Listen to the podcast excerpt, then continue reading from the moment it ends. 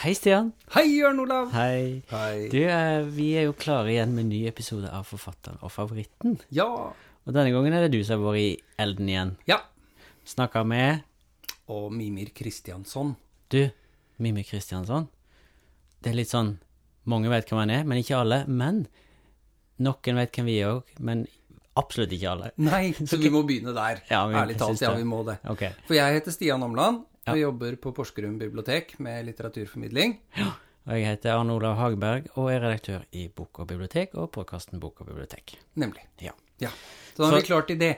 Og saken er jo den at da vi spilte inn denne episoden med Mimir Kristiansson, som vi spilte inn i forbindelse med et arrangement på biblioteket eh, i forkant, så, så, så var jeg så gira på å komme i gang med samtalen med Mimir at jeg, jeg helt glemte innledningsvis i episoden og si hvem han er.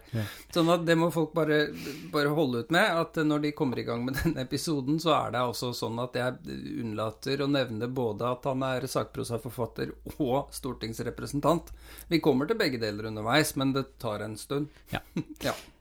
Du er unnskyldt, men altså eh, Det er ikke sånn at en må vite hvem Mimmi Kristiansson er, eller ha et nært forhold til han for å ha stort utbytte av den episoden, for jeg hørte han nemlig sammen med min sønn Aron, som er 15-16 år, Ja. straks 16. ja. Han syntes det var kjempegøy. Nei, så bra. Ja, han koste seg veldig og lærte masse og syntes det var veldig interessant å høre på. Nei, så gøy. Og han visste ikke på forhånd hvem Mimmi Kristiansson var. Nei, det er jo et strålende utgangspunkt. Ja, men da kan vi jo bare Da må alle anbefale den til alle, Ja. egentlig. Så hvordan var samtalen da? Jeg syntes det var gøy. Det var Ja. kjempegøy. Det er noe med de folka med sånn et, et så stort driv, eh, og, og samtidig så peiling. Mm. Eh, han er engasjert, og han, han, han, han mener mye om mangt, og det er en del av på en måte eh, alt som har med ham å gjøre, men han, han har han er gjennomtenkt, og samtidig da virkelig byr på seg sjøl og er Ja, ja. full av energi. Vi får høre om kroppshår Eh, og mye klesplagg og gang. Ja, absolutt. Ja da. Og jeg vil for øvrig da også opp, oppsøke, be folk oppsøke Instagram-kontoen til forfatteren og favorittene. Kanskje det kommer noe hos, hos Bok og bibliotek også, med et bilde av Mimir som 17-åring. Det, Ja. ja, det er verdt eh, turen innom. Men du, neste uke så skal du på tur til Ja. Lillehammer. Eh, det er jo altså Norsk litteraturfestival, Sigrid Undset-dagene på Lillehammer, som er liksom den største norske litteraturfestivalen. Og jeg gleder meg noe innmari, for vi skal lage tre episoder på rundt regna to dager. Så det er voldsomme greier. Eh, vi er fortsatt der vi er litt sånn eh, skjelmske og ikke vise frem hvem vi skal snakke med. Men jeg kan avsløre at, eh, som vi var inne på forrige gang, vi skal snakke med en svensk forfatter. Og i den forbindelse så har vi fått med oss en medprogramleder, som er en norsk forfatter, som var vår aller første gjest i Forfatteren og favoritten, og som er med som medprogramleder rett og slett fordi hun er blodfan av den forfatteren vi skal snakke med. Ja. Ja. Så da er det litt sånn eh, eh, Litt sånn eh, detektivarbeid her blant Ja. lytterne. De kan gå tilbake til episode én, så får de svar på det første. Og så kan de lese seg opp på vedkommende, da får de svar på det neste. Nesten nemlig. Ja, Nemlig. Ok. Um, og så skjer det noe på søndag, som òg er relatert til oss, på en måte, da. Ja, det gjør det. Eh, verdens vakreste kunstprosjekt. Future Library, Framtidsbiblioteket. Det er et, et helt fenomenalt kunstprosjekt som jo handler om litteratur og konsept og tid og håp. Um, og vi skal ikke si så veldig mye om prosjektet, for da blir vi sittende en stund. Og Men det, det har trenger vel ikke. Hvis en vil virkelig skjønne Future Library-prosjektet, for det er litt sånn eh, vanskelig å gripe, som alle store ideer er, så kan en høre på episode nummer 16 av Bok og bibliotek-podkasten. Der har vi en skikkelig grundig introduksjon til det.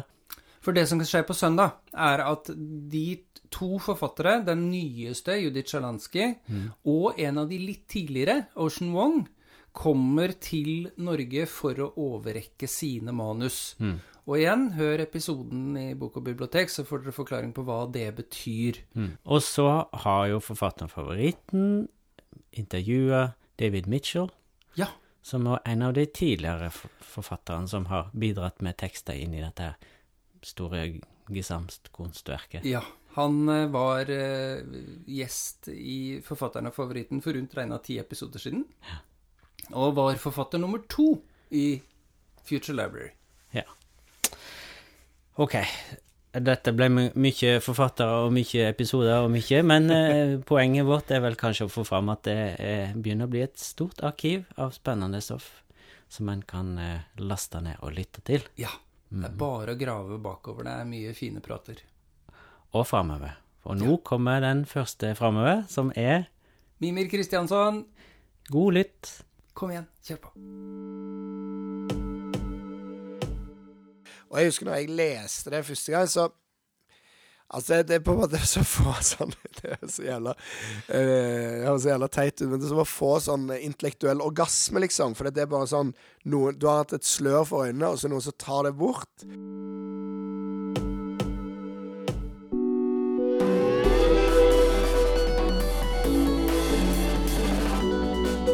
Velkommen til Forfatteren og favoritten, en månedlig podkast om litteratur for unge voksne. Forfatteren og favoritten er podkasten der en forfatter forteller om sine egne bøker, og aller mest om sin favoritt for unge lesere. Dagens episode spilles inn på Porsgrunn bibliotek. Jeg heter Stian Omland, og dagens gjest er selveste Mimir Kristiansson. Velkommen! Tusen takk. Så hyggelig å ha deg her. Trivelig å være her òg. Du har nettopp kommet av toget og omtrent rett i studio her. Ja, og fått kaffe og gått på do, så da er jeg klar, jeg. Ikke sant? Det skal ikke mer til. Vi eh, begynner som vi pleier, med en faktaboks. Du er født hvor? Jeg er født i Oslo, faktisk, men vokste opp i Stavanger. Når eh, født? 1986. Ja, og det gjør deg til eh, 36 år gammel. Ja, ikke sant? Mm. em, Hva slags eh, skole gikk du på? Jeg gikk på eh, Eiganes eh, barneskole, Kannik ungdomsskole og noe som heter Kongsgård videregående skole, som er Stavanger katedralskole, da. Så litt sånn Hva betyr katedralskole? Det vet jeg ikke 100% men det fins i Bergen, Trondheim, Hamar, Oslo, Stavanger. Så det er knytta til gamle bispe... Altså det domkirkene. Og så er det litt ofte høyt snitt eh, snobbeskoler, da. Men i vårt tilfelle så er det en veldig gammel skole. Eh, den eh, kan spore sine røtter tilbake til 1100-tallet, og det såkalte nybygget er 175 år gammelt. Sånn at eh, det er jo et veldig spesielt sted. Litt sånn gal Galtvort-aktig for i hvert fall en del folk, da. Men for mange folk i den byen også bare et helt ufyselig sted med, med pretensiøse unge folk. Em, etter at du var ferdig der, hvor havna du da? Da flytta jeg til Oslo. Samme dag som jeg var ferdig på videregående, så tok jeg nattoget til Oslo. så jeg gikk rett fra sånn skoleavslutning til det. Og så eh, begynte jeg å studere, men det droppa jeg ut av etter et par måneder. Og så begynte jeg å jobbe, og så har jeg jobba siden med forskjellige ting. I den grad man kan kalle det jeg holder på med nå for å jobbe, da, men det der, eh, der strides de lærde. Du begynte å skrive tidlig her. Ja, jeg har på en måte alltid altså, Jeg tror nok du kunne se det liksom på ungdomsskolen, at jeg i hvert fall var glad i å skrive allerede. Men uh, den første boka, eller bok og bok, da, den første såkalte boka jeg ga ut, er jo en fjerdedels Donald Pocket i størrelse, da, men den kom ut da jeg var 24 år. 25 kanskje, 24-25. Så begynte ganske tidlig å ha sånne ambisjoner, da. Begynte tidlig å jobbe i avis, begynte tidlig å skrive leserinnlegg, begynte tidlig å Ja. Er du, er du en sånn som har hatt eh, fartstid i lokalavis eh, før du kom til hovedstaden? Ja, ikke så mye lokalavis, men mye sånn skoleavis, ungdomsavis, og på en måte hatt den veien inn i journalistikken, da. Og det er jo min erfaring, da, er jo at, eh, at man ikke trenger å studere journalistikk for å bli en god journalist. Kanskje tvert imot. Det er mye bedre å jobbe seks uker i, i hva er det dette? heter, Telemarksavisa eller Varden, enn det er å, å, å gå seks år på skole for å bli journalist, tror jeg. Det er jo vi, vi, må, vi må veldig fort spole enda lenger framover og så komme fram til at du kanskje aller mest er kjent som politiker. Ja. Det må man vel ha lov å si. Og du kom jo inn i politikken tidlig. Ja, jeg gjorde det. Jeg var tidlig sånn politisk aktiv. Var liksom en del av et sånt miljø da, som sikkert fins i alle byer, med folk som var liksom med i Natur og Ungdom og gikk i frikete klær og holdt på på den måten. På videregående, og ja, nei, egentlig bare på videregående. Og så ble jeg med i Rød Ungdom, og så slutta jeg litt med politikk en periode. Og så begynte vi det igjen i voksen alder. Eh, hva skjedde mellom ungdomsskolen og videregående skole som gjorde at klærne ble mer frikete og hele greia annerledes? Altså, Den store endringen i mitt liv, det skjedde eh, rundt juletider eh, på ungdomsskolen. Det er veldig barnslig å fortelle om, også, men det, det, er noe sant. Og det er at jeg var ett år yngre enn de andre, for jeg hadde såkalt hopp over en klasse, da, for jeg var flink på skolen. Det er jævlig ille. Og så hadde jeg, het jeg jo Mimir, da, som er et veldig rart navn. Og så litt sosialt uintelligent, eller veldig sosialt uintelligent, da. Og så jeg var mye litt sånn, eh, ja, litt sånn plaga utenfor og sånn. Men så kom mine islandske gener meg eh, til unnsetning like før jeg eh, skulle gå ut av ungdomsskolen. Eller når jeg gikk inn i siste halve ungdomsskolen. Da fikk jeg altså hår på brystet. Masse hår på brystet.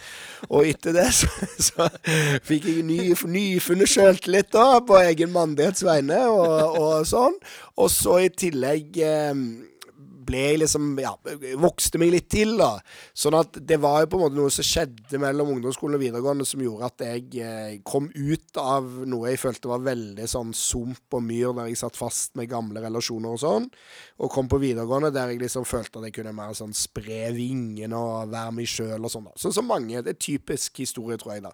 Men det rare er at veldig mange de gikk på, på videregående, hadde gått med på ungdomsskolen òg, så det var ikke veldig stor forskjell. Så det, forskjellen var nok innvendig, tror jeg, mer enn utvendig. Og det er godt mulig de opplevde meg helt lik, men jeg følte meg iallfall mer eh, følte meg annerledes enn jeg var på, på ungdomsskolen. Men Er det sånn at du, du, du kan si at du merka at de behandla deg annerledes og oppfatta deg annerledes, eller var det ikke sånn? Nei, det vet jeg egentlig ikke, men altså overgangen fra ungdomsskolen til videregående var jo en overgang av at ting som på en måte ikke var noe stas på ungdomsskolen, plutselig var stas på videregående. Eh, det, og det å komme inn i et sånt politisk miljø for meg, da, hvis jeg skal prøve liksom å psykologisere meg sjøl litt, da, så er det jo sånn at du kan jo si sånn at jeg er så engasjert i politikk. En annen måte å se det på er jo at du Oi, du går på et sånt møte. Tilfeldig årsak, forelsker en jente, et eller annet. Og så oppdager du at det her er ganske flink til. Og så driver du med det fordi du er flink til det. Og så er det på en måte derfor så blir du jo opptatt av det og bryr deg om det alt mulig. da. Mens liksom en del av de tingene det var om å gjøre å være flink til på ungdomsskolen, det var ikke jeg nødvendigvis så flink til. da. Mens en del av de greiene som plutselig var om å gjøre, iallfall på min videregående, å være flink til, det var jeg ganske flink til. Så det er liksom Det var en slags sånn verdihierarki som ble snudd på hodet, da, kan du si. Og det, sånn tror jeg mange har det. Og så tror jeg veldig mange som går på ungdomsskolen, helt uavhengig av min historie, holdt jeg på å si, for det er bare én måte å gjøre det på. Har behov for en ny start. Ungdomsskolen er jo for veldig mange den jævligste tida i livet ditt, så det handler jo om alt fra hormoner til hvor kjipe ungdommer ofte kan være med hverandre. Og da når man starter på videregående, så har man i hvert fall én mulighet til å gjøre det liksom på ny, da. Tror jeg mange føler er viktig.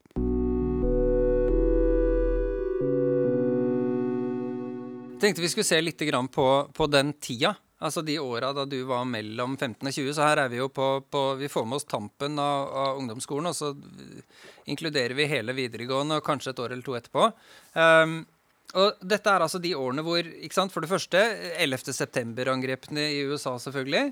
Euroen blir offisiell valuta i EU. USAs utenriksminister Colin Powell påstår i FN at uh, Irak har masseødeleggelsesvåpen, noe som jo fører til Irak-krigen.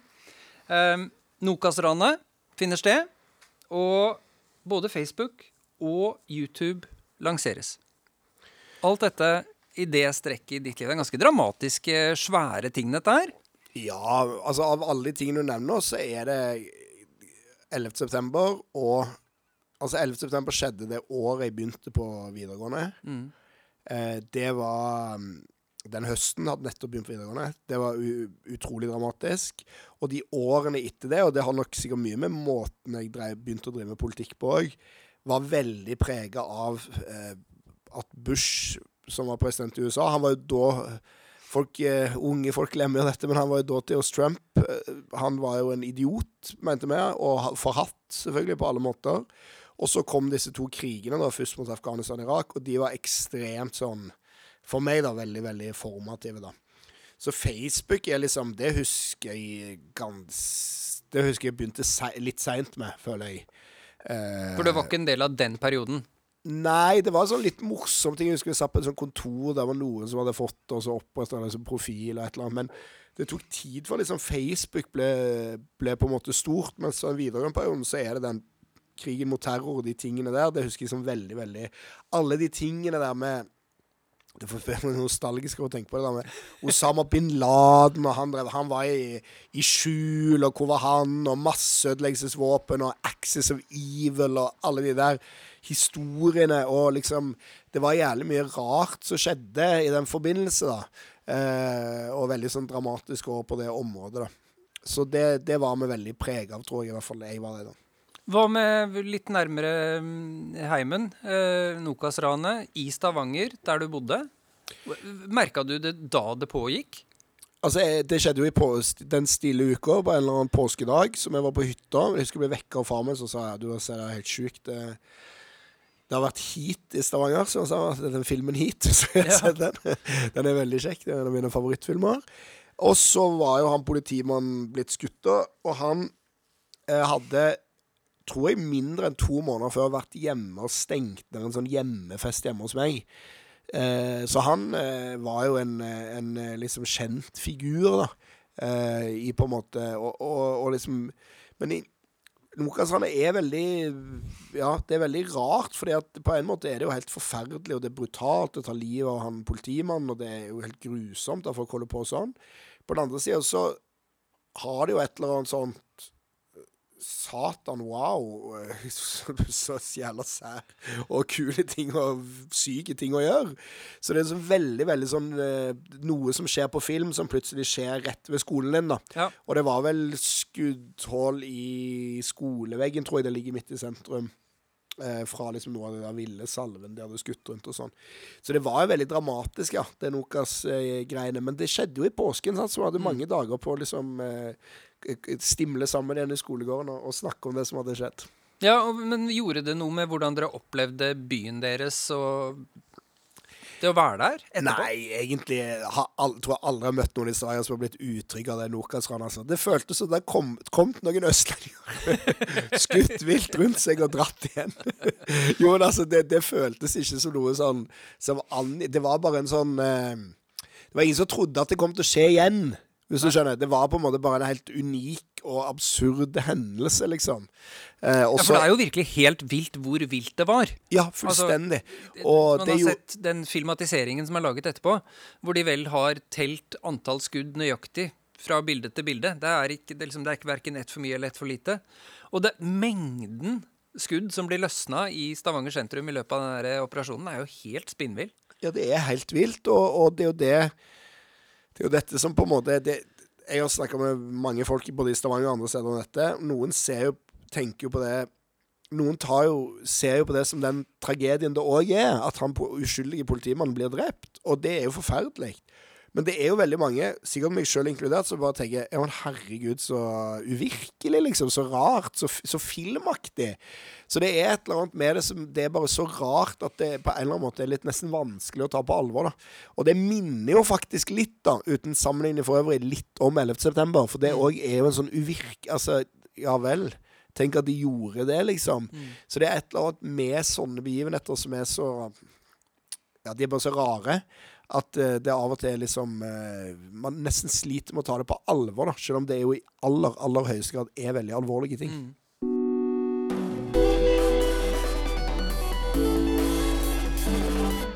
Vi er heldige i Forfatteren favoritten. Vi har uh, både tidsmaskin og usynlighetskappe. Så hvis vi nå tar på oss begge deler, og så styrer vi sannsynligvis klar av Nokas-ranet, for vi skal til en skolegård på en skoledag hvor du faktisk er på skolen. Eh, I denne perioden hvor du er mellom 15 og 20, og så skal vi finne deg. Og så kan du bestemme om vi er på ungdomsskolen eller videregående skole. Um, hvem er du? Hva får vi se? Hva gjør du? Nei, jeg eh, står vel i skolegården og henger, da. Altså, det er jo vanskelig å beskrive hva man gjør i en skolegård på videregående skole. Jeg røyker jo ikke, så det er ikke noe mening med det. Så du står med noen sånn fast gjeng og et eller annet. Men vi drev mye med sånn så hadde jeg eh, mye rare klær. Jeg husker jeg hadde en sånn rosa lue. Jeg hadde på meg rosa strikkelue. Eh, jeg husker det var et halvår der jeg skulle gå i shorts eh, helt fram til jul. Et eller annet veddemål, et eller annet sånt. Så et eller annet, alltid noe påfunn, et eller annet merkelig. da. Så står du der og prater et eller annet sånn. Enten det, eller at vi liksom hadde et eller annet på gang, da. Skulle finne på et eller annet eh, merkelig, liksom. Eh, men ja, det er ikke så mye altså Skolegården og gå på videregående er ikke liksom så veldig dramatisk, altså. Hvis vi er Du nevnte en fest som ble stoppa av politiet her i stad. Hvis vi er eh, på en dag som nærmer seg helga, snakker dere om fest? Snakker dere om hvem og hvor og hvordan? Ja, det gjorde vi, gjør vi nok, ja. Og, og jeg husker bare at jeg var sånn festsjef på skoleteater òg, og drev og organiserte liksom de festene og sånn. da. Og da drev vi hadde sånn billetter som er solgt og sånn. da. Så det var mye sånn, og det var mye sånn på vår skole som var sånn um, Det var mye sånn skoler i skoleteater, eh, aktiviteter, greier. Mye som skjedde av sånne halvorganiserte ting, da. Uh, og så er jo jeg, Men det jeg husker best, er egentlig ikke fredagen. Jeg husker best de mandagene der du kommer på skolen, alle har liksom allerede hørt noen rykter om et eller annet som skjedde i helga på den festen, eller på det eller det eller det. Og de som ikke har hørt det, de kommer liksom umiddelbart liksom treffer de de folka i skolen og hørte du det, og sånn og sånn. Og den følelsen der, den, er, den tar jeg meg av og til å savne når jeg kommer på jobb, altså. den følelsen som alle er liksom lever på en eller annen måte. Det er mange, da. Lever i liksom samme virkelighet og verden. Hadde du kjæreste? Eh, ja, jeg hadde noen kjærester på videregående, men eh, veldig sånn flyktige forhold, ja. så jeg vet ikke hvor seriøst det var. Hvis du hadde hatt muligheten til å gå bort, hvis vi tar av deg usynlighetskappa et øyeblikk, eh, og så du, går, går, du bort til deg selv, og så prikker du deg på skulderen, og så sier du Hør her, nå har jeg levd en stund. Eh, dette burde du visst. Hva hadde du sagt? Da ville jeg sagt at eh, Altså, det, det jeg angrer aller mest på, er at jeg jeg følte jeg hadde så dårlig tid når jeg gikk på videregående. sånn at da var jeg ganske sikker på at jeg liksom Jeg ville skrive, jeg ville prøve å bli politiker, mange sånne ting. Og det har jeg egentlig prøvd å bli siden det. Mens det jeg egentlig angrer veldig på nå, det var at jeg ikke tenkte det kan du begynne å gjøre når du er 25. Og mellom nå og da så kan du f.eks. Jeg vet da faen. Dra i militæret. Bo i utlandet. Hvorfor går du på allmennfag i det hele tatt? Kanskje bare ta et fagbrev? Eh, sånn at du kan et eller annet annet, da. Sånn at det ikke bare er liksom gønn på akkurat det du tror på, akkurat det du vil. Men det er jo helt umulig å fortelle en 16-åring eller 17-åring det, selvfølgelig, for det er jo det du vil mest av alt i hele verden. da. Mm. Men det der vi hadde så dårlig tid på en eller annen måte, da, det angrer jeg veldig på, da. Eh, at jeg liksom Og det er mange sånne ting liksom Du bare kjenner at nå, når du er 36, du har to unger fast jobb og jævlig styr, så liksom åh, nå hadde det vært digg å bo i Frankrike et år, men det begynner å bli litt seint, liksom. Mens på en måte når du var 19, så kunne du faen meg fint bare gjort det, og det hadde ikke vært noe problem. Og det at vi ikke gjorde mer eh, sånne ting etter videregående, men bare gikk liksom beint på, det angrer jeg på, altså. Hva med, med ting som gikk helt gærent i den perioden? Har du, noe, har du en min største tabbehistorie? Altså, jeg var jo sosialt jeg, altså, fortsatt, jeg vet ikke om jeg skal fortsatt er så sosialt kompetent, men jeg var, når jeg gikk på ungdomsskolen, var jeg fullstendig sosial eh, molbo. Og når jeg gikk på videregående, så var det ikke så mye bedre, men det var blitt liksom hadde liksom begynt å finne min egen liksom, eh, gjeng da, med andre folk som var på en måte litt sosialt eh, inkompetente. da. Og dette er kanskje litt før jeg var 15, men jeg husker første fransktime på ungdomsskolen, så rakk jeg frivillig opp hånden i klasserommet og erklærte for hele klassen at jeg var frankofil. okay. Fordi at jeg hadde lest noe sånn Tre musketerer og syntes det var så fett. Og sånn Og det var jo, altså frankofil er liksom Det er på en måte et sted mellom homofil og pedofil på en måte når du går på ungdomsskolen. Så det er liksom ikke Det er ikke veldig sånn Du får ikke mange venner på en måte av det, da. Så jeg var liksom bra liksom dum på, på sånne ting. Og liksom eh, ja. Og jeg var aldri så god til å gjemme meg heller, det er jeg jo fortsatt ikke. Så på en måte jeg gjorde liksom mye ut av meg sjøl Altså ofte når du er sånn sosialt tilbakestående og litt sånn uh, på en måte lite kul, da, for å si det sånn, så klarer jo folk ofte å sitte bak en krok og ikke si noe. Så det er en, det er en mestringsstrategi. Men det klarte aldri jeg, da. Så det, det ble jo mye, mye styr av det. Men og likevel så Og det har vi ikke sagt hittil i episoden, det tror jeg vi skal, kan si nå. Så er du, du Du er jo her som forfatter, men du er jo en ting til. Du er jo stortingsrepresentant. Ja, det stemmer det. For partiet Rødt. Det er viktig. ja. Hvor lenge har du vært det, da? Nei, siden høsten 2021, altså sist valg. Så ett og et halvt år er det vel snart. Ja. Mm. Går det, da? Nei, det går fint, det. Altså, det går bra med Rødt på, på målingen, og det er mye kjekt med å være stortingsrepresentant òg. Så det er mye som er Det som alle jobber, holdt jeg på å si. Det er mye som er veldig gøy, det er mye som er veldig drit. Så det kjekke er jo at det er veldig Altså, det, det er jo jævlig stas, da. Altså, du gjør noe som er viktig, noe mange folk syns er viktig, noe som, som på en måte der du kan klisjémessig si at du, du føler at du gjør en forskjell, og noe du bryr deg om, og sånn.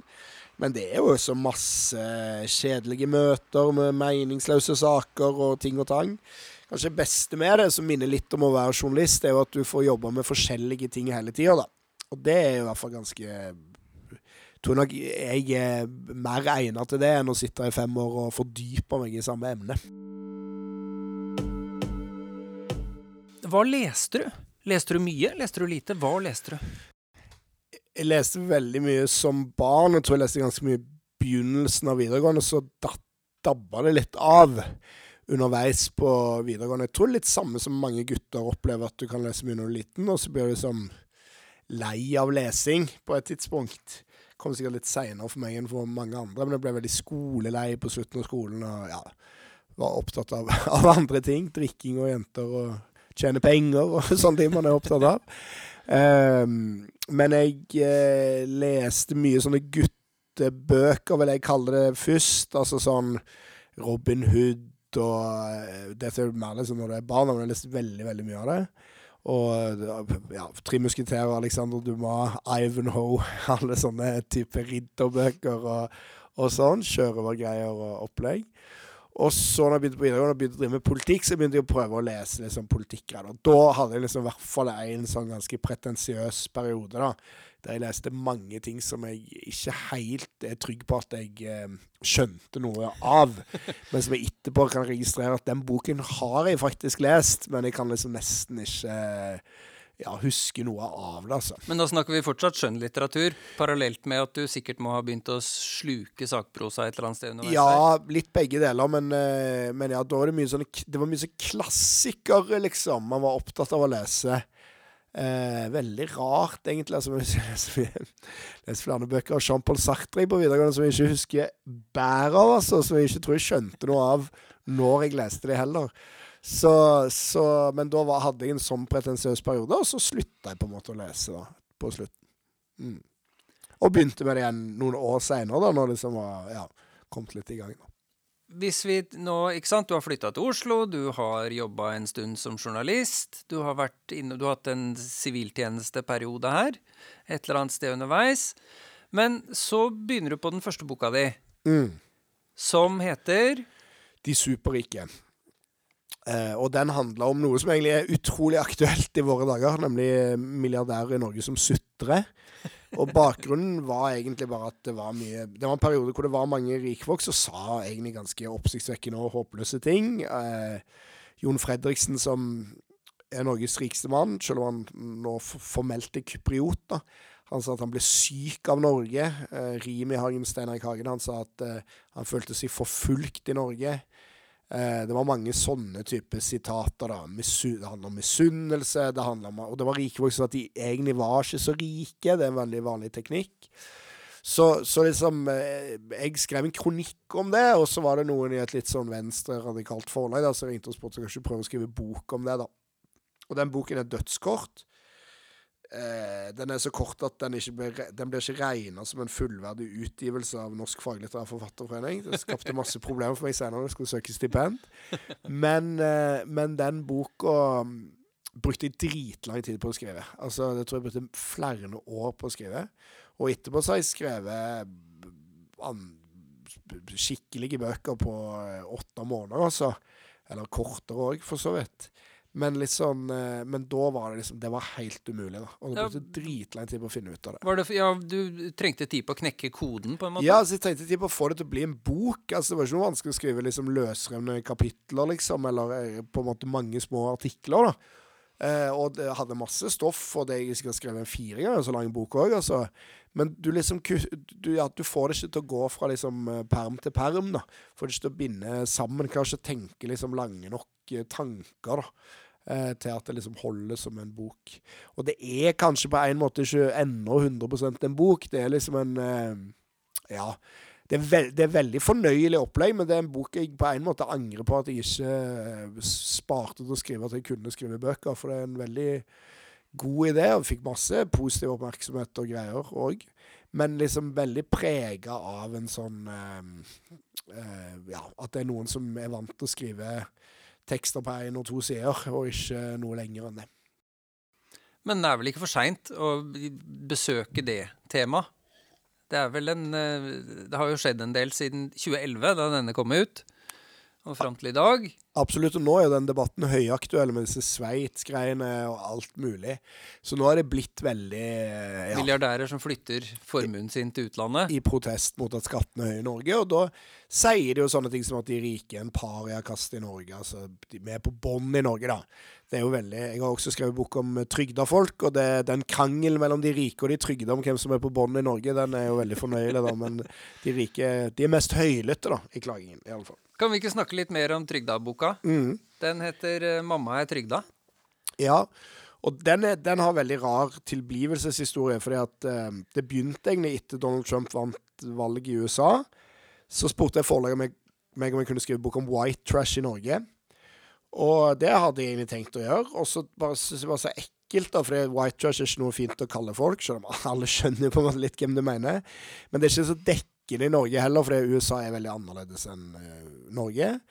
Og så Ja, det er liksom ikke helt sånt 100% sånt miljø jeg har kommet fra. Så det er så ekkelt å drive og skrive om andre folk på den måten. Men så prøvde vi å finne ut hvem er det egentlig som er litt sånn white trash Norge, som kom fram til at det er trygda folk. Og så slo jeg liksom den ideen fra meg da, og sa til forlaget det kan jeg ikke, for jeg kjenner ikke egentlig så mange trygda. Og da var det en kompis som jeg etterpå da, så sa når vi drakk øl litt, jeg hadde liksom sagt nei til forlaget, så sånn Umimir, det er mulig at jeg knuser noen illusjoner for deg her, da, men mor di har vært trygda i 20 år. Så det kan jo hende at du kjenner noen som er trygda, da. Og så kom jeg bare på at det som egentlig er liksom opplegget, at jeg har aldri tenkt på mor mi som trygda holdt jeg på å se, på den måten. Fordi mor mi har jo vært syk på ekte. Og da, når du tenker sånn, så betyr det jo at du tenker at de andre trygda er noen naver og svindlere og et eller annet. da. Og hvis du kan tenke sånn når du er vokst opp i en familie med trygd, så sier det ganske mye, tror jeg, om de fordommene vi har mot trygda folk. da. Så da begynte jeg å skrive én trygdehistorie. Det skrevet veldig lite om trygda folk i Norge. Det er ikke rart, fordi de lever jævlig kjedelige liv. Det er ikke så mye som skjer. Det er ikke veldig sånn dramatisk og spennende. Eh, men det er skrevet litt om det. Det er lagt litt TV og film om det det er egentlig veldig underdekka på en måte i, i, fiksjonen. Så skrev jeg den boka om henne, og så selvfølgelig òg en politisk bok, men først og fremst liksom hennes historie. da, Så det er i hvert fall én trygdehistorie, da, i det minste. Men hvis vi du, du, fikk et oppdrag fra et forlag, ja vel, men så da du satte deg ned og så bestemte deg for å skrive den boka du skrev, var det det å fortelle historien til mora di, eller var det det å kaste noe slags lys over dette med trygda folk i Norge som var det viktigste for deg, eller var det begge deler, eller hvordan? Det var nok det med mor mi som var viktigst for meg. Altså, Den boka den er jo egentlig delt i to, eller det er sånn mer annethvert kapittel, da, som er liksom om mor mi, og på en måte mer sånn politisk, da. Og mange har jo trodd da at siden jeg er blitt politiker og sånn etterpå, for det ble jo etter at jeg skrev den boken, at målet med poker på en eller annen måte var å bruke mormen sin historie til å smugle inn de politiske kapitlene. Men det er egentlig omvendt. Det er jo det at jeg fortsatt er, eller var, så umoden som forfatter at jeg klarer ikke å skrive en hel bok uten å liksom det Holdt jeg på å si eh, blande inn politikk. Sånn at det er egentlig omvendt. da. Det er Momi sin historie som er liksom det førende, og så må jeg ha noen sånn fyllkapitler på veien. Da Da blir det noen politiske appeller, da. det er sånn det blir. Så, og så skrev vi det. altså Det er ingen politiske løsningsforslag i den boka. Det står ingenting om hvor høye eller lave ytelsene er, eller hvordan Nav skal være, eller sånn. Men det er jo helt umulig å få folk til å tro på dette, for det etterpå ble jeg jo politiker, og det jeg har jobba med mest som politiker, er jo trygd. Så på en måte nå virker det jo som dette er en jævlig god plan, da, som er lagt over lang tid, da. Men, og det kan godt hende det var, men det var ingen som fortalte meg om den planen. Men jeg på en måte, det, dette har liksom blitt litt til for meg mens jeg gikk, da. Er det sånn at det var du som oppdaga at mora di var sjuk?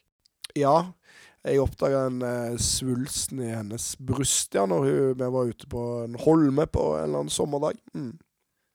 Hvordan utvikla det seg? Nei, det var jo veldig vanskelig. Jeg var jo ti år gammel, og så ble det jo klart at hun hadde brystkreft med spredning til lymfene, som er veldig alvorlig. Når det allerede har spredd seg, så er det ikke så mye å gjøre med det. Og da var liksom beskjeden at hun skulle dø rimelig fort, da. Så det er jo veldig dramatisk beskjed. Og det er jo ikke For det første er det veldig dramatisk, for det andre så er det ikke så uvanlig. fordi at Altså, alle på en måte ulykkelige familier er forskjellige, men, men eh, Samtidig så, så, er det nok veldig mange ungdommer som opplever at de på et tidlig tidspunkt må ta ansvar for foreldrene sine. Enten ved at foreldrene drikker, eller at de blir syke, eller ved at de har et eller annet problem eh, de sliter med. da. Og det som egentlig først og fremst skjer med deg, er jo at du må på noen områder bli voksen veldig fort. da. Ja, Hva gjorde det med deg? Nei, det er jo eh, I begynnelsen var jeg veldig redd, og det var jeg i en periode. Så overlevde mor mi, og så begynte jo det andre som var veldig slitsomt, nemlig å leve med at hun var veldig redusert og ødelagt etter det. Eh, så jeg ble som Ja, For det er eh, en blanding av sykdommen og behandlinga som Ja. Å få sånn kreftbehandling er ikke noe sånn dans på roser. da, og det, det Begrepet kreftfri er jo egentlig veldig sånn flott, men det er jo veldig mange som opplever at det å være kreftfri ikke er så jævla kjekt. Altså Det er jo ikke bare kreft, men det er ikke sånn at det å være kreftfri er noen god tilstand. Så, så du sitter igjen med masse masse plager, gått masse på medisiner, fått masse cellegift, hatt masse problemer. Og da er i hvert fall min Det som det gjorde med meg, var liksom at øh, noen ting i, i livet liksom måtte jeg eh, ta ansvar for mye før vennene mine. Eller ikke alle, da, men mange av vennene mine. Og, og noe at jeg liksom ganske tidlig fikk noe slags sånn tungsinn i meg, tror jeg. Begynte å tenke mye på døden og sånne ting. Men det tredje er jo at eh, det er mer sånn positivt, da. Du skal tenke noe positivt, at du får litt sånn yolo-holdning til livet òg. Fordi at hvis du har brukt mye tid på å tenke på at du er redd for at mor di skal dø, så er det ikke så farlig om du ikke har øvd på en prøve. Så på en måte Du får jo tids, På et tidspunkt så, så blir jo det et slags vern mot sånn mer dagligdagse problemer, da. Hvordan går det med henne? Det går fint, på en måte, eller etter forholdene, som jeg pleide å si. Altså, hun er jo veldig sliten, bor aleine. Får ikke gjort så mye, får ikke gått så mye ut, har mye vondt og sånn. Men sånn til å liksom leve ennå, da. Hun er blitt eh, herregud 69 år. Så går det ganske bra med henne, da. Jeg lurer på om vi rett og slett skal gå hardt videre. Ja. Ehm, og bevege oss mot pallen din. Ja.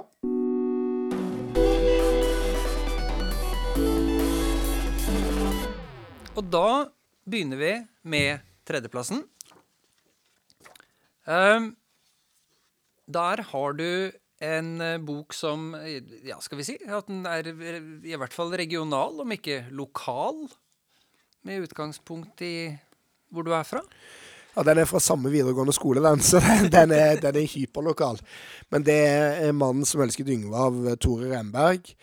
Og den kom ut sånn cirka når jeg begynte på videregående. Den gjorde ekstremt eh, sterkt inntrykk på veldig mange i min eh, generasjon. Eh, lurer på om han kommer litt etterpå, men det er mulig jeg blander det. altså. Jeg har Men- 2003 på Ja, ikke sant, så det er to år etterpå, ja. Men den, den gjorde veldig stort inntrykk. Kom nå og gikk på videregående, fall. Og den gjorde veldig stort inntrykk. Og den, den handla jo om et sånt raddismiljø på den skolen, akkurat som vi var. Så det var plutselig noen som hadde skrevet en bok som alle i Norge snakker om, som på en måte skjedde i vårt miljø på vår skole. Med, for, med en forfatter som vi av og til traff når han satt på biblioteket og skrev på boka, eh, på en måte. Og, og eh, det var òg en del av noe som skjedde med Stavanger på den tida. Vi hadde hatt den filmen 'Mongoland', der Kristoffer Joner og Pia Skjelta ble kjente. Hadde Kaiser, som riktignok ikke er fra Stavanger, men fra Bryne. Kaisers Orkestra. Dette er sånn sikkert old man-shit for andre folk, da, men, men Og den boka her. Sånn at det var en periode der den vår del av landet hadde vært et sted hvor det bodde mange folk, men hvor det skjedde lite som andre folk la merke til. Annet Også- enn eh, oljeindustrien. Annet enn oljeindustri, selvfølgelig, og, og penger og bedehus, som det var fra gammelt av. Og så ble liksom eh, på en måte eh, byen vår Ja, jeg husker da jeg var i Oslo, liksom, at folk syntes at altså, jenter så, så, Mange syns Stavanger-dialekt er veldig stygt, men på den tida så var det Nå traff jeg noen jenter som var veldig sjarmerende og flott dialekt og sånn. da Og det var i den bølgen der. Det var veldig kult. Altså, det var en sånn Stavanger-bølge som vi følte at vi surfa på, da. Og som egentlig har liksom Ja, de, de tingene der løfta den byen veldig, da. Og så er det en veldig bra roman som handler om to kompiser som går på videregående, og den ene blir forelska i en gutt. Eh, og, og, det er en Ja, den er kjempeløyen. Veldig morsom og, og også veldig ja, alvorlig, da. Så anbefales eh, til alle som ikke har lest den. Altså. Um, du sier Tore Renberg satt på biblioteket og skrev på boka. Betyr det at dere liksom hadde han på radaren før, før den kom ut? Ja, jeg husker iallfall jeg hadde altså, dette, nå, nå, er det sånne minner som blandes i hverandre, men jeg husker at vi altså, Vår skole ligger, lå i sentrum, ligger i sentrum. Og vi hadde ikke noen kantine, sånn at når vi hadde fritimer, eller sånn, så gikk, kunne vi gå inn på biblioteket, sitte der og spise noen steder, eller et eller annet. Og da drev han og satt der og holdt på med noe. Men om det var den boka, eller om det var noe annet, altså, men det bare husker jeg veldig sånn når vi traff han og hilste på han og sånn, det var veldig stas og sånn. Så ja. Så, så det er liksom en um, en tid som på en måte ja, men vi, hadde han på radar på en eller annen måte. Jeg vet ikke hvorfor det var sånn, men han var ve veldig god venn av Aslak Sira Myhre, som er en av de figurene i boken er basert på, og som da var en sånn politisk helt på venstresida, og som jeg gjennom mine foreldre da egentlig kjente litt. Kjente og kjente det. Han, jeg visste ikke hvem han var, i hvert fall. Følte jeg kunne hilse på han. Så da, så da, var liksom det på en måte en del av ja, pakka der, da. Mm. Vi må videre, mm. dessverre. Dette får jeg litt følelsen av at vi egentlig kunne nøsta i lenge. Ja, ja, ja. men, men uh, vi skal uh, nå fra det svært lokale, uh, som jo ble nasjonalt på, på, sitt vis. Dette ble jo en kjempesuksess, og det har jo blitt en innmari ålreit film også av det, etter hvert. Mm. så skal vi ut i verden, for på andreplassen så har du Graham Green. Ja. Og Graham Greene altså dette er sånn, Far min han uh, hadde sånn svære Når du er liten, sånn uoverkommelig store bokhyller med masse bøker, rare bøker. Far min er islandsk, så masse islandske bøker, ting du aldri kunne lese og sånn.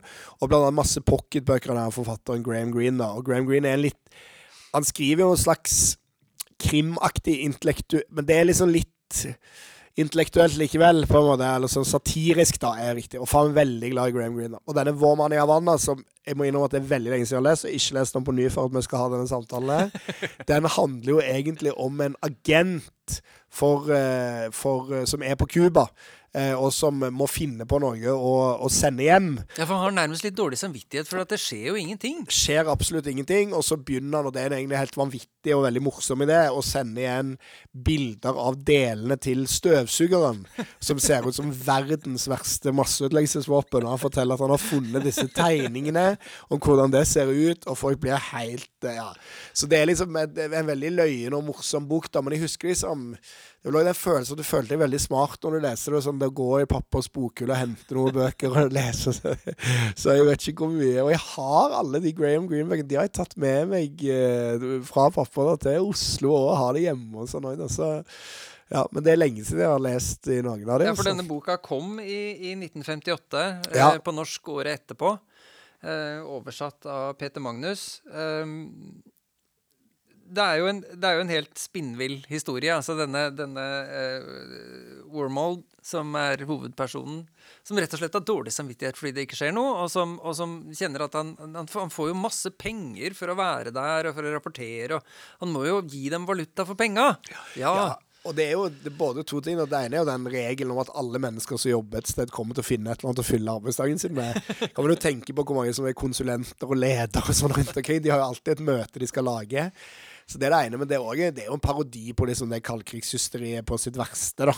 Eh, og litt sånn ja, Det er sånn James Bond-parodiaktig òg, på en måte. Altså, hva er det de liksom holder på med, disse agentene og greier, da.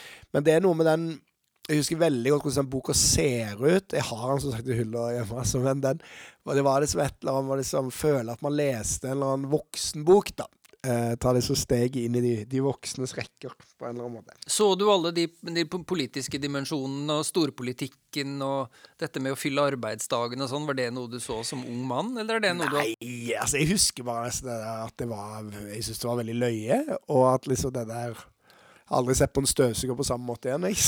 Etter å ha lest den boka. Så. uteleggelsespotensial Ja, ja, ja. i en I en støvsuger. støvsuger, ja. ja. Ikke sant? Vi skal til førsteplassen, Ja. og det er ikke småtterier. Eller på en måte så er det jo det, men, eh, men ikke. Fortell. Nei, det er det, det kommunistiske manifest av Karl Marx og Friedrich Engels. Og jeg vil insistere på at selv om det der høres veldig sånn eh, pretensiøst ut, så vil jeg tro at det er en bok som ganske mange mennesker i verden leser i alderen 15 til 20 år. For det er en veldig kort bok. Det er, altså, det er jo ikke en bok, det er et slags hefte. Pamflett. 50 sider langt, kanskje. Et eller annet sånt. Selve manifestet er vel bare på litt over 40? Ja, ikke sant? Og så er det noe forord etter, og litt avhengig av hva du legger til og sånn. Ja. Og, og det er jo en av de tekstene som har forandra verden aller mest. All sosialisme, all kommunisme, alt sosialdemokrati kommer egentlig fra de sidene.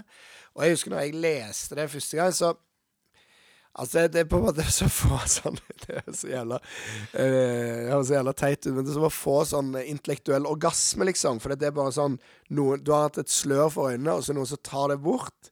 Og så er det sånn Det er ikke de rike som skaper verdiene. Det er de som jobber, som skaper verdiene. Og når du først har tenkt den tanken, så er det veldig vanskelig å få den tannkremen tilbake på tuben igjen. Og hvis jeg ikke hadde lest den boken og jeg gikk på videregående, så hadde jeg ikke sittet der jeg sitter i dag. Så det er jo det nærmeste jeg kan komme et sånt liksom frelsesøyeblikk, da. Og så etterpå har jeg jo skjønt at den boka er veldig bra på veldig mange andre måter. Den er veldig meddrivende skrevet, det er fullt av referanser. den er og de har jo skrevet masse andre ting som er mye mer sånn utilgjengelige og tunge akademiske ting og alt mulig. Men den Det er noe med den, eh, den boka som er eh, Som har sine liksom eh, Den river deg på en eller annen måte med, og så avslører han et eller annet veldig grunnleggende om verden du lever i, føler jo jeg, da. Og veldig mange føler jo det, så det er jo ikke, jeg er ikke alene om det. Og om at liksom det er masse folk som går på jobb, og som jobber, og som ikke får det de bør få. Og da, da er det liksom et eller annet som er grunnleggende urettferdig med verden. Og så den boken har jo ingen løsninger, eksempel. Det er bare en beskrivelse av hvordan det er. og Det har jo alle såkalte marxister slitt med siden. Da. Men eh, ja, men sånne setninger sant, gi etter evne, få etter behov, proletar i alle land, foreneder, og den åpningssetningen 'Det går et spøkelse over Europa', det er kommunismens spøkelse. Det er liksom, det er jævlig bra skrevet, da. Og den innledninga var vel egentlig et, et forsøk på å si at, at eh, kommunismen blir allerede tatt på alvor. Og, og eh, Ja. derfor vil vi gjerne få lov å, å Og svare på anklagene. svare på anklagene. Ja. Og når de velger ordet kommunisme, så er det faktisk heller ikke eh, fordi at det er deres eh, favoritt, og de kaller seg jo faktisk sjøl for sosialdemokrater veldig lenge. Det er litt fram og tilbake, altså. Men de tar jo det ordet fordi det er det styggeste folk kaller det, og så prøver de å gjøre det liksom til noe, på en måte. Det er liksom Ja. Så det er, er veldig fascinerende, liksom, eh, ting å gjøre. Og det er veldig overraskende. De er to etter hvert gamle gubber som er filosofer, økonomer, samfunnsforskere. Har hatt enorm betydning for eh, alle universiteter nesten i verden. Har skrevet mange, mange tusen sider med kjedelige, tunge ting. Og så skriver de denne her, eh, må jo nesten få se bangeren her, da, som jo er, en, er liksom en, en, en bestselger av en pamflett, da.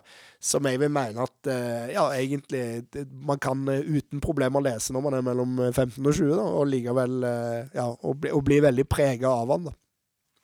Hvem, hvem var disse gutta? Er de, er de, kommer de fra arbeiderklassen? Kommer de fra borgerskapet? Kommer de fra Er de intellektuelle familier? Er de, hva er bakgrunnen der? Nei, altså Friedrich Engels, han ene Han, han mindre kjente forfatteren, da. Han er jo eh, sønn av en fabrikkeier og senere fabrikkeier sjøl. Han er veldig ri, veldig, veldig rik. Eh, mens Karl Marx han kommer fra en eh, litt borgerlig intellektuell familie, men gifter seg f.eks. med en prinsesse. da. Så er liksom ikke, De er ikke noe fattige folk sjøl, og deres erfaringer med arbeid og sånne ting, det, det fins ikke egentlig. Eller det er nesten mer av det hos engelsk, fordi han er ganske interessert i hva som foregår på fabrikken, så han bruker mye tid på sånne studier av det. Mens Max sitter mye inne for seg sjøl hvis han ikke er ute og drikker da, og skriver og fabulerer og filosoferer. da.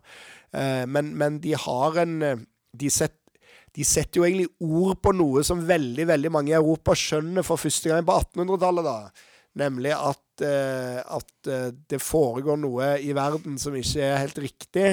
Nemlig at det sitter noen på toppen og, og eier, og så jobber veldig mange for de. Og Man kan jo diskutere i all evighet hvor langt man skal dra de teoriene deres, men det finnes ikke ett fungerende samfunn i verden som ikke har tatt de teoriene deres litt innover seg. At det er åpenbart at man ikke kunne ha det sånn som man hadde det eh, i fabrikken i England på 1880-tallet, eller 1840-tallet, eller hva som helst. da. Så man har på en måte De har satt sitt preg på verden, for å si det forsiktig. da. Um, den inneholder jo ikke Som du sier, det er ikke, det er ikke egentlig Teksten ikke de, inneholder ikke de store løsningene. Men den prøver å si noe om hva som må skje. Den sier, kommer med noen påstander om, om en framtid hvor, hvor, de slår fast at dette kommer til å skje. Mm.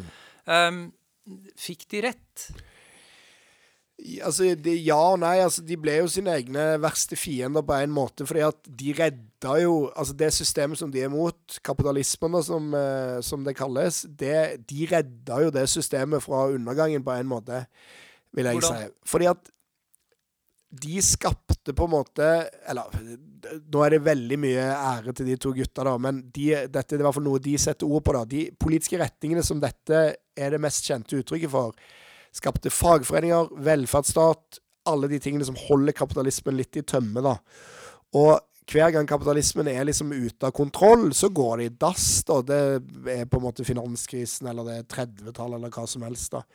Og så kommer det motstrømmer som liksom på en måte liksom demmer opp for det. Men dermed så er jo en del av de tingene de skriver i den boka, heller ikke lenger riktig. For eksempel så er det veldig viktig eh, kjent sitat òg, at arbeiderklassen har ikke annet å miste enn sine lenker. Så det er helt åpenbart at arbeiderklassen i Norge har jo eh, ofte hus og bil og lønn og velferdsgoder. Og det er jo på grunn av at det har vært marxister og Einar Gerhardsen sånn som har holdt på i Norge. Men dermed så er jo mye av dette revolusjonære som man ønsker seg, da, det er jo på en måte litt ja, man, man går heller og uh, går en tur med familien eller tar seg en øl, framfor å liksom uh, Så det er et sånn evig dilemma da i det der. Så de, de har jo ikke De har fått rett i veldig, veldig mye av, de skrev, av, det de skrev, men det de ikke har fått rett i, er den ideen om at liksom uh, man vil få et sånt slags sånn enormt systemskift, da, på en måte. Men altså enormt systemskift og enormt systemskift. Hvis du ser på verden i 1848 og verden i dag, da, så er det ganske store forskjeller, da. Men et sånt revolusjonært øyeblikk der liksom man får det klasseløse samfunnet og sånne ting, det tror jeg ikke vi kan påstå at de har fått rett i at det har skjedd. Ennå, da. Hvordan reagerte du på, på den der formuleringa om at arbeiderklassen skal grunnlegges i herredømme ved å styrte borgerskapet med vold da du var Hvor gammel var du? 17? 18? Ja, altså når jeg var så ung, så tenkte jeg sikkert at det hørtes fett ut, det da, eller helt nødvendig ut. Men det er jo skrevet på en tid hvor arbeiderklassen ikke hadde stemmerett. Så det er jo det som òg er problemet med en del av de formuleringene og måten det ble på etterpå, da. Fordi at utover 1880-tallet og sånn, så begynner jo arbeiderklassen å få stemmerett, og så går det jo lang tid i noen land og alt mulig. Men, men, det er klart at det synet på om du kan gjøre dette her innenfor liksom valg og demokrati, det forandrer seg jo veldig fra 1848 til 2001 i Stavanger, for å si det sånn. Mm. Men altså på, når jeg gikk på videregående, så syns jeg nok det var litt fett med sånn det er liksom forlengelse av Robin Hood-fantasiene mine. altså sånn eh, Che Guevara-aktig opplegg og sånn. Men hvis du ikke syns det er fett når du er gutt når du er 16, at noen er oppe i jungelen og skyter på folk og sånn, da er du trolig allerede død, altså. altså da, da, er det et eller annet eh, Da er det et eller annet galt med deg, altså. Det må jeg bare si. Vi er eh, kommet til veis ende. Vi, vi har vært gjennom programmet vårt. Ja, og jeg tror rett og slett vi skal runde her. Så da skal jeg si tusen takk til deg, Mimi Kristiansson, for at du kom og var gjest hos oss. Ja, takk for at vi kom med. Forfatteren og favoritten er et uh, samarbeid mellom tidsskriftet Bok og bibliotek og Porsgrunn bibliotek. Dagens episode ble spilt inn på Porsgrunn bibliotek. Tekniker har vært Markus Patai, og han har også redigert episoden. Arne Olav Lunde Hagberg fra Bok og bibliotek er ansvarlig redaktør, og Hanne Sandvik er også med i redaksjonen. Musikken er laget av Halvor Nordahl Strand. Programleder har vært meg, Stian Omland. Takk for at du hørte på oss. Forfatteren og favoritten er tilbake før du vet ordet av det. Takk for nå, og les bøker du liker.